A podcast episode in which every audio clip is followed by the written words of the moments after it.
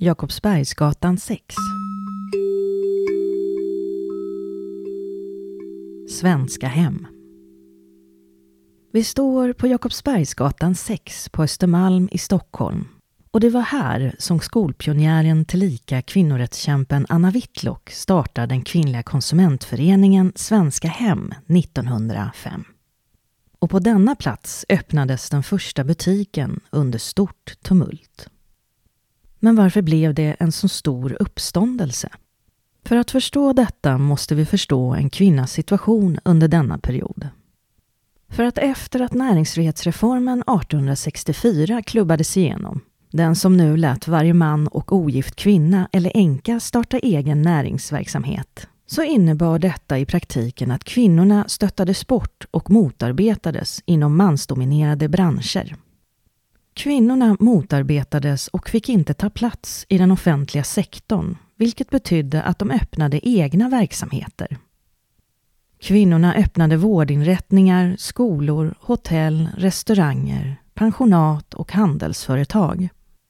Ett exempel är reformpedagogen och den flitiga entreprenören Anna Whitlock, som redan i slutet på 1870-talet hade grundat en samskola, där pojkar och flickor undervisades, men nu ville ge sig in i varuhandeln då hon var trött på matfusket som rådde.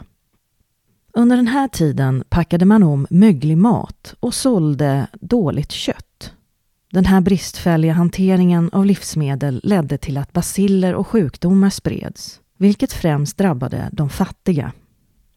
Genom att starta konsumentföreningen Svenska Hem ville Anna ändra på detta. Tanken var inte bara att röja den dåliga livsmedelshygienen och sälja bra mat, utan även undervisa och att ge konsumentupplysning.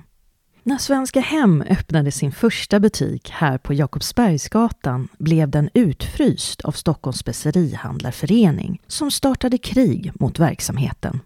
Trots detta växte rörelsen och blev Sveriges på sin tid största konsumentförening med ett flertal butiker. Detta var ju en verksamhet som inte bara startats av en kvinna. Det var även bara kvinnor som fick bli medlemmar i föreningen och handla i dess butiker. Och bland medlemmarna hittar vi stora namn som Selma Lagerlöf, Ellen Key, Elin Wägner, Anna Branting och Carolina Widerström. Som mest fick föreningen över 3000 medlemmar.